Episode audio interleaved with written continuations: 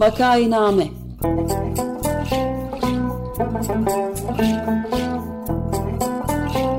Salgın günlerinde memleket manzaraları Hazırlayan ve sunanlar Güven Güzeldere, Ömer Matra ve Özlem Tekin.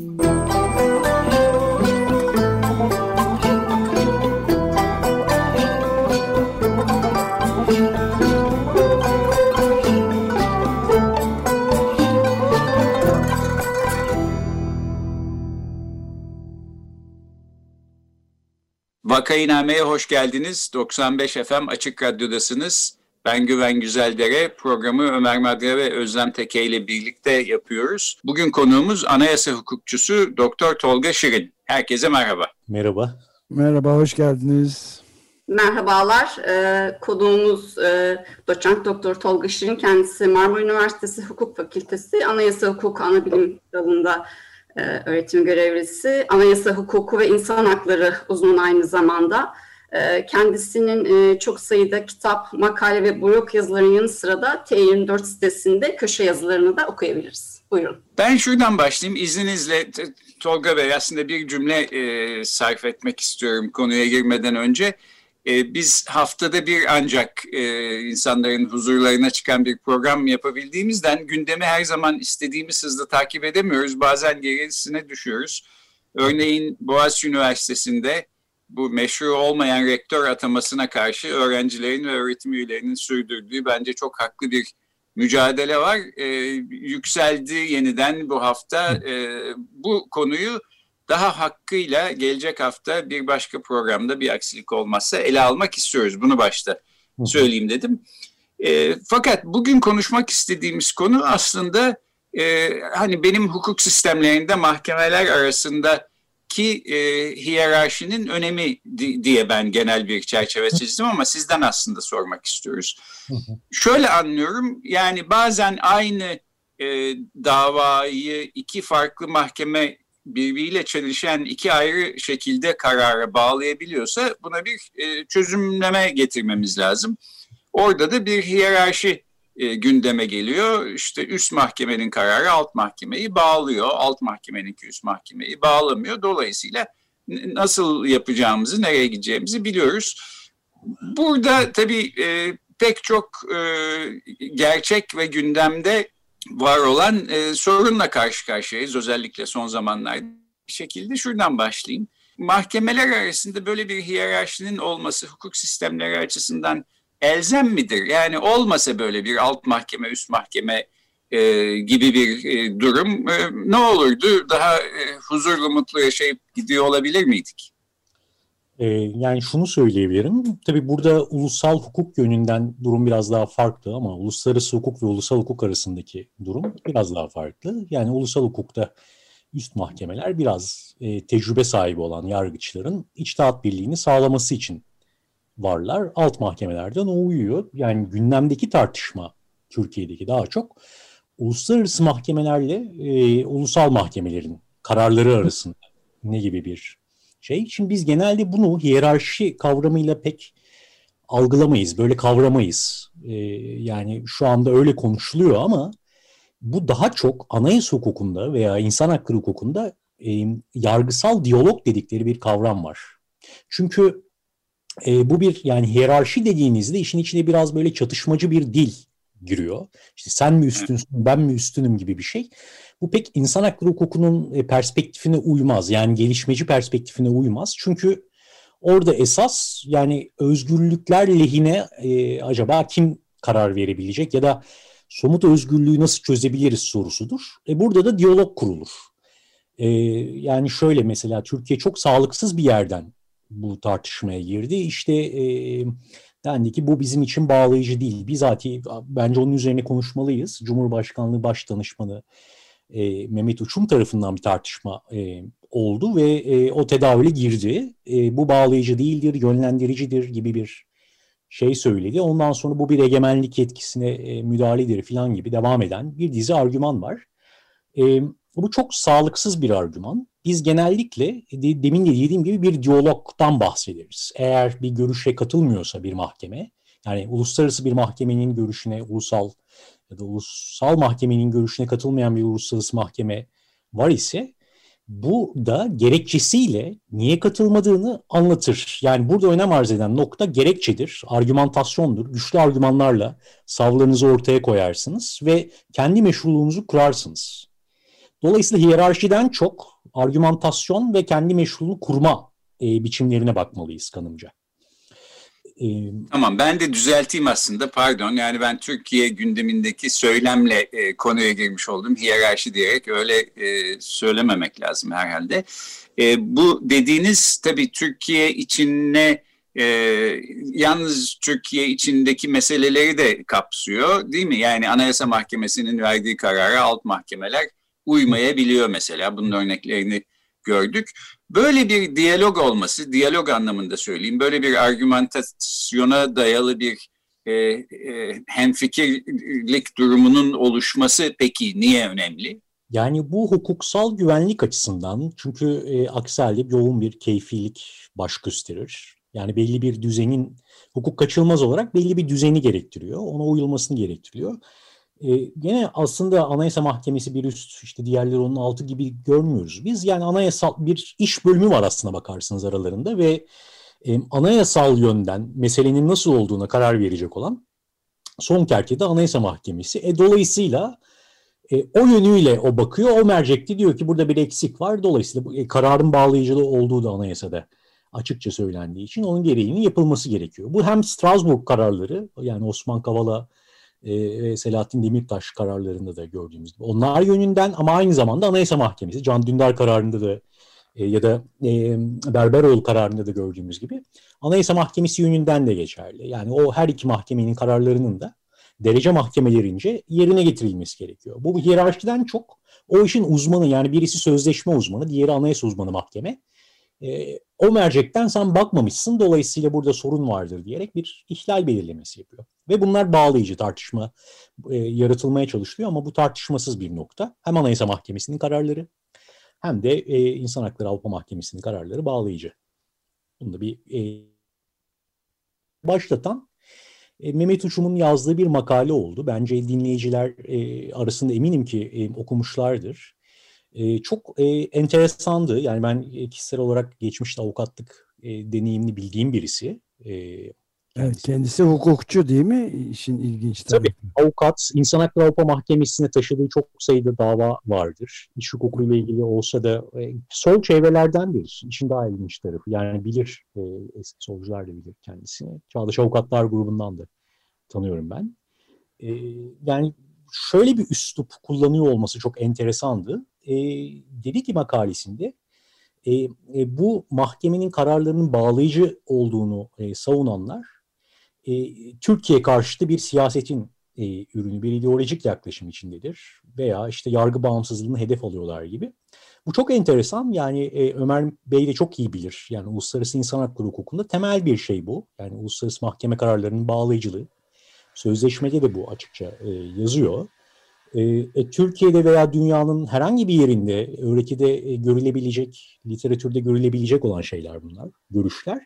Şimdi bunların hepsinin birden böyle Türkiye karşıtı ideolojik bir saplantı içindedir diye bir e, şeyin içine koymak, e, torbanın içine atmak kanımca fazlasıyla e, tam tersine yani e, çok gergin, çok e, e, politik bir dil e, ve e, yani yeni Türkiye'nin belki de gerçeği bu diyebiliriz. Yani bugün herhangi bir insan hakları şerhinde e, okuyabileceğiniz bir görüş ya da Türkiye'de çok sayıda saygın hukukçunun dile getireceği e, bir görüşü Türkiye karşıtı bir ideolojinin ürünü falan diye böyle e, sunmak kanımca çok şey.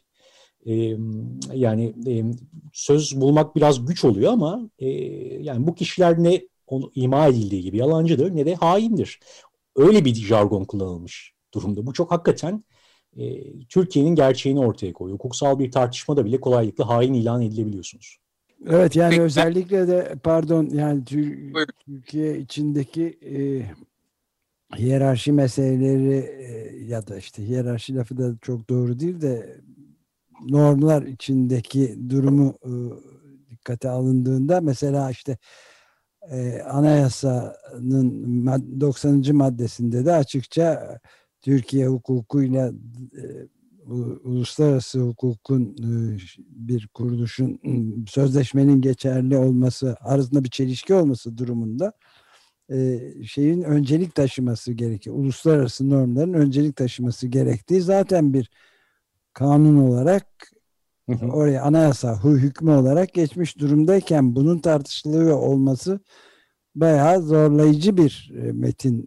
Sizin de dediğiniz gibi bir siyasi yoruma hukuki olmanın çok ötesinde yorum getiriyor gibi geldi bana. Ne diyorsunuz? Yani şunu söyleyebilirim. Aslında Viyana Anlaşmalar Hukuku e, Sözleşmesi vardır. O açıkça. Evet. Onun koyduğu bazı e, yönler var. Yani bir tanesi iç hukukunuzu, uluslararası bir sözleşmeye taraf olduğunuzda, işte bu e, ilgili maddelerde 27 ve 46'da geçer. E, e, iç hukukunuzu bahane olarak ileri süremezsiniz. Bu sözleşmeleri e, uyuma konusunda yükü, yükümlülüğünüzden kaçamazsınız. E şimdi Türkiye İnsan Hakları Sözleşmesi'ne silah zoruyla taraf olmadı. E, kendi iradesiyle taraf oldu ve bu sözleşmenin kendi metninde e, bağlayıcı olduğu, yani mahkemesinin vermiş olduğu kararların bağlayıcı olduğu yazılı. Sözleşmenin 46. maddesinde bu e, açıkça söyleniyor.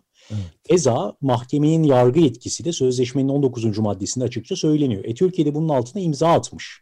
Yani ben bu mahkemenin kararlarını tanıyacağım. Bu sözleşme de bağlayıcıdır diyor. Yani anayasanın 90. maddesine daha gitmeden bile uluslararası hukuk uyarınca bununla e, bağlayıcısınız ki tamamlayıcı başka bir yorum aranıyorsa bir yana anlaşmalar hukuku sözleşmesi bunun koşullarını söylüyor. Yani diyor ki e, icap ederse e, bazen hani hazırlık çalışmalarına ve başka yorumlara gidilebilir ama esasen e, burada şey bellidir deniyor. Yani lafzı zaten belli olan bir şeyde farklı bir yorum yapmanız gerek yok. Açıkça bunun bağlayıcı olduğunu sözleşmenin kendisi söylüyor. Burada ilginç bir tartışma var Türkiye'de. Yani deniyor ki efendim bu bir egemenlik e, yetkisinin uluslararası mahkemelerin müdahalesidir gibi bir takım savlar var. Bu çok enteresan çünkü e, zamanı şaşmış bir egemenlik anlayışı. Bu İkinci Dünya Savaşı'ndan önceki e, egemenlik anlayışı. Çünkü e, biz artık e, günümüz insan hakları hukukunda egemenliği biraz farklı algılıyoruz.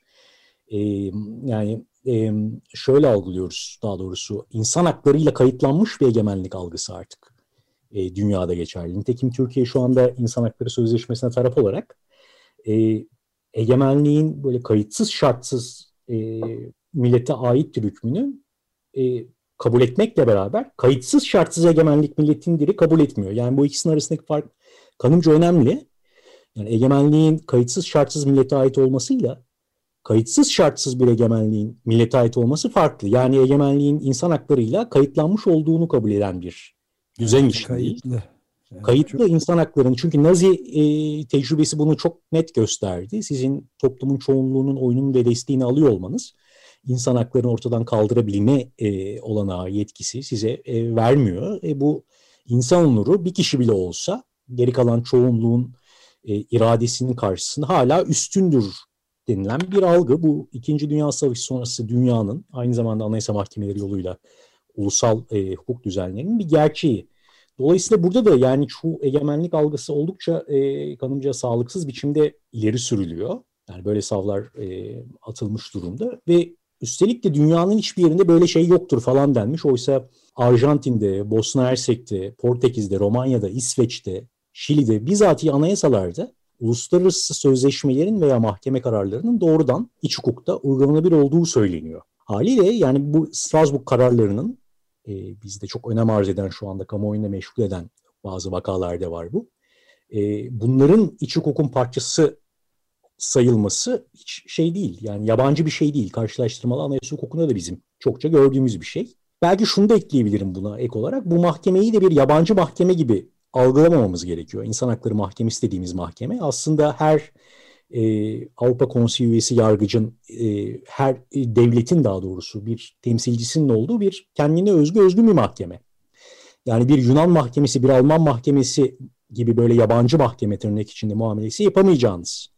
Bütün ulusların ortak kurduğu aslında hem herkesin mahkemesi ama aynı zamanda da hiç kimsenin olmayan bir mahkeme diyebileceğimiz özgün bir nitelikte. Yani sıradan bir e, böyle yabancı mahkemeymişçesine e, muamele etmek çok e, doğru da olmuyor. Yani burada da bir başka bu tartışmada süre gelen tartışmada kanımca bir şey var. Önemli bir soru. Ben bir soru daha buradan e, geçe hatta çatallanan ikili bir soru sormak istiyorum. Yani bir tanesi bu e, Boğaziçi'li öğrencilerle ilgili olarak e, gerek Avrupa Birliği'nden gerekse Birleşmiş Milletler İnsan Hakları şeyinden gelen, örgütünden gelen e, uyarılar üzerine de onlar kendilerine e, kendi aynalarına baksın şeklinde bir tepki geldi. Bunun da hukuki olduğunu söylemek çok e, kolay olmayabilir. Çünkü zaten Birleşmiş Milletler bizatihi bu demin sizin sözünü ettiğiniz çerçevelerin ötesinde insanlıkta bir bütünlüğü korumak için kurulmuş bir örgütün şey herkesi bağlayabilecek nitelikte bir takım normları uygulamakla yükümlü. Yani demin sözünü ettiğiniz uluslararası ceza hukuku işte Nürnberg mahkemeleri de bunun en tipik, en önemli organı gibi görülüyor. Buradan e, bu aynaya bakma meselesinin de aynı uçumun sözündeki olduğu gibi zorlama zorlama ötesi hatta bir tepki olduğunu söylemek mümkün. Ben bunu bir de her zaman konuyu dönüp dolaştırıp muhakkak getirdiğim şeye de bağlamak istiyorum. Yani ekolojik kırım diye şimdi yeni bir kavram artık gelmeye başladı. Ekosid ya da ecocide kavramı. Onun da Uluslararası Ceza Mahkemesi'nde davası görülecek uluslararası bir suç olarak tanımlanması yönünde kuvvetli talepler var. Yani özellikle dört genç iklim aktivistinin geçenlerde çok sayıda bilim insanı ve sivil toplum kuruluşu sanatçı tarafından imzalanan bütün dünyaya dünya liderlerine açık mektup ve taleplerde söyledikleri şeyde eko, ekoside'ın ekolojik kırımın muhakkak e, Uluslararası Ceza Mahkemesi'nde bir uluslararası suç olarak yargılanabilecek bir şey tanım olarak şey yapması gerektiğini de söyleyen bir talep vardı işte Greta Thunberg ve üç genç aktivist tarafından Luisa Neubauer, Anuna de Weber ve Adelaide Charlier tarafından da verilmiş bir şey de vardı. Hı hı. Değil mi? Bunu da böyle bu çerçevede bir yorumlar mısınız? Yani şu bu aslında şu yönden çok önem arz ediyor. Biz demin bahsettiğim egemenlik kavramı bu klasik anlamının ne kadar değiştiğini gösteriyor. Yani egemenlik genelde biz şey deriz işte içeride e, kural koyma, uygulama, denetleme yaptırımı dışarıya karşı da işte e, bağımsızlık falan gibi klasik bir tanım var. Oysa gibi bunu tanımıyor. Yani bir kuş ya bu egemenlik alanınmış senin ben buna girmeyeyim demez. Bir nehir ya bir dakika bu egemenlik alanıymış bunun bu ülkenin biz buradan akmayalım falan gibi bir şey. Bu pek gerçekçi değil. E, yani doğa daha doğrusu bunu tanımıyor. Yani bir yerde nükleer e, serpinti başladığında hiç bu klasik milli e, devletlerin üretmiş olduğu sınırlar gerçekliğini yitirmiş oluyor. Belki de uluslararasılaşmanın en çarpıcı biçimde görüldüğü yer ekoloji konusu. Çünkü bu kurgusal bütün var şeylerimiz, vurgularımız alt üst oluyor hızla doğanın gerçekliği karşısında. Keza bu ademi merkeziyetçilik yönünden de çok önemli. Yani konudan konuya sapmak istemem ama yani ekolojik kaçınılmaz olarak da bir ademi merkeziyeti gerektiriyor. Yani siz şimdi mesela İstanbul'un yani bir yönden böyle evrensel ama aynı zamanda da çok lokal. Hani bu küyerel dediğimiz şey tam insan hakları okulunda çok önemsenir. Ekolojide fazlası, fazlasıyla var. Çünkü yani şu anda aşırı merkezileşme yani biz de mesela İstanbul'a yoğunlaşmış durumdayız ama e, oysa doğa bunu kaldırmıyor. Çünkü doğa ademi merkeziyetçi ve e, o dağılım kaçınılmaz olarak gerekiyor. Dolayısıyla egemenliğin bu merkezden de kayması gerekliliğini bize öğretiyor. Yani bu Bolivya Anayasası'nın girişine çok vurgulanır şey diye. Evet. Ee, onlar do, yani biz tabiat anadan öğrendik derlerdi ve kültürel bir bağlama oturturlardı bunu. Anayasanın girişine şey diye yazmışlardı. Ee, biz tabiat ananın çeşitliliğini gördük ve bu çeşitliliği Bolivya halkında da yansıtıyoruz. Onun içinde 30 küsür tane dilimiz var. Tıpkı tabiattaki çeşitlilik gibi ve birlik içinde çeşitlilikle hareket edeceğiz dedi. Ya ve bunu ekolojiden öğrendik diyerek ve aynı zamanda da uluslararası dayanışmaya da atıf yaparak hem küresel hem de yerel bir vurgu yapıyordu. Bu insan hakları hukukunun da aslında özünde anlatmaya çalıştığı şeydi. Ekoloji bunun bütün çıplaklığıyla da ortaya koyuyor e, kanımca. Burada yeri gelmişken tabii konu biraz böyle dağınık oluyor kusura bakmayın ama e, şeyi de vurgulamak gerekiyor. Demin benim aslında ısrarla böyle polemik yapmak istediğim e, makalede şöyle bir kavram kullanılmış. İşte insan, e, ikincillik ilkesi diye bir şeyden bahsediliyor. Deniyor ki işte e, uluslararası mahkemeler müdahale edemez çünkü onlar ikincildir. E, esas olan e, ulusal mahkemelerdir falan denmiş ama orada ikincil diye bir şey yok. Yani subsidiarity denilen e, bir kavram var. Bu demin bahsettiğim ekolojide de önem arz eden bir şeydir. Şeyde de yani öncelikle oranın lokal ahalisiyle ilgili, lokal ahalisinin öncelikli subside eden yani altta oturan orada esasendir ama bir takım ilkeler bellidir ve o ilkelerin gereğince hareket edilmesi gerekir. Dolayısıyla burada hani böyle bir birincilik, ikincilik gibi bir şey Türkçe'de yanlış çevrilmiş ama aslında orada hani bir yetki ikamesi gibi bir kavram e, kullanılıyor. Yani bunlar da böyle iyice hükümet çevrelerince alt üst edilmiş durumda gibi bir görüntü var. E, yani Peki o, ben oradan evet. e, bir soruyla bu çizgiyi biraz daha devam ettirelim istiyorum. Şimdi e, Mehmet Uçum mutlaka bunları e, yani e, bizim şimdi burada sizin anlattıklarınız üzerine öğrendiğimiz, bildiğimiz kadar o da biliyordur. Buna rağmen böyle şeyleri niye yazıyor diye sormayacağım. İşin o tarafını bir kenara bırakalım. E, ben e, sonuçlar açısından ne düşündüğünüzü merak ediyorum. Yani Türkiye mesela Avrupa İnsan Hakları Mahkemesi'nin kararlarına uymamaya devam ederse iş işte hani bir limite gittiği zaman belki Avrupa ile ilişkilerimiz kesilebilir filan. Öyle olsa bile Türkiye'nin kendi içindeki hukuk sisteminde de yine bir e, mahkemeler arasında uyum olması gerekiyor değil mi? İstinaf mahkemeleri, anayasa mahkemesi işte her birinin başka bir açıdan konuya yaklaşması filan sizin anlattığınız gibi.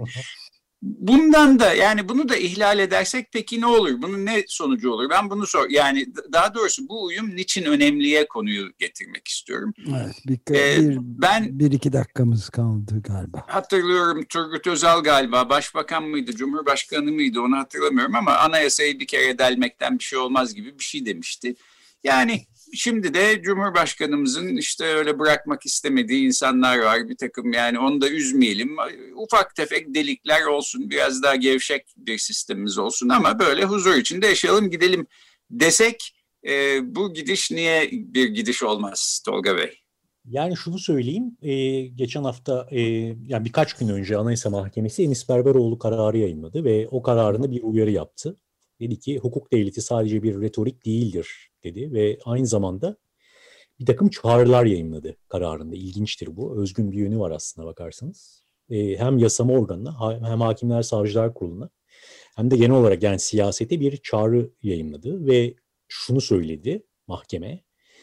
E, yani tam olarak kullandığı kavram şuydu. Hukuk devleti bir sadece retorik değildir. Bu kararları yerine getirmeniz gerekir ve e, bu kararları yerine getirmeyenlere de yaptırımların uygulanması gerekir diyerek e, vites arttırmış durumda aslında bakarsanız mahkeme. Ve bunlar birer suç. Yani biz böyle kanıksamış gibi e, davranıyor olabiliriz. Ya da davranılıyor olabilir ama e, bence buna siz özel döneminde meşhur bir söz vardır. Alış alışmakla ilgili böyle alışmayacağım ya da alışırsınız polemiği vardır. Bence bunlara alışmamak gerekiyor ve bunun bir suç olduğunu mahkemede bunun şeyini yaptığı Avrupa Konseyi organları da e, bunu söylüyorlar ama aynı zamanda Anayasa Mahkemesi de çok yakın ön, zaman önce bu kararları direnmenin gerekiyor ve e, tabii bu diğer bütün hukuka uyması gereken öznelere yaptığımız çağrının benzerini ısrarla devam ettirmemiz gerekiyor. Yani normal hale getirmemek kanımca önemli.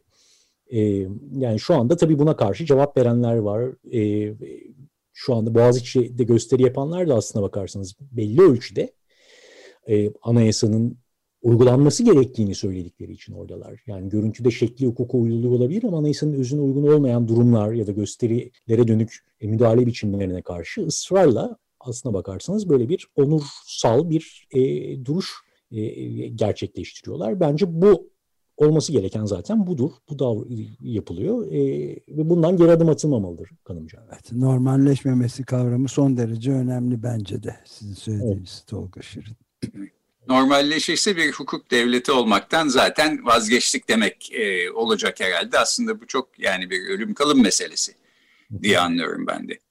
Evet. Peki galiba programın sonuna geldik. E, bugün e, anayasa hukukçusu Tolga Şirin e, konuğumuzdu. Hukuk sistemleri, e, arasındaki uyumu e, ele almaya çalıştık. Çok teşekkür ederiz Tolga Bey. E, ben teşekkür ediyorum. Tolga Bey, çok teşekkürler. Her zaman bekleriz. Çok teşekkürler. Görüşmek üzere, hoşçakalın.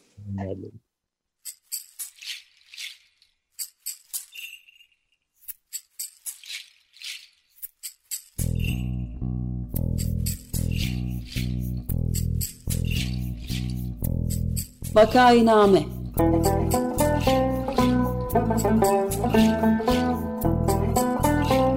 Salgın günlerinde memleket manzaraları.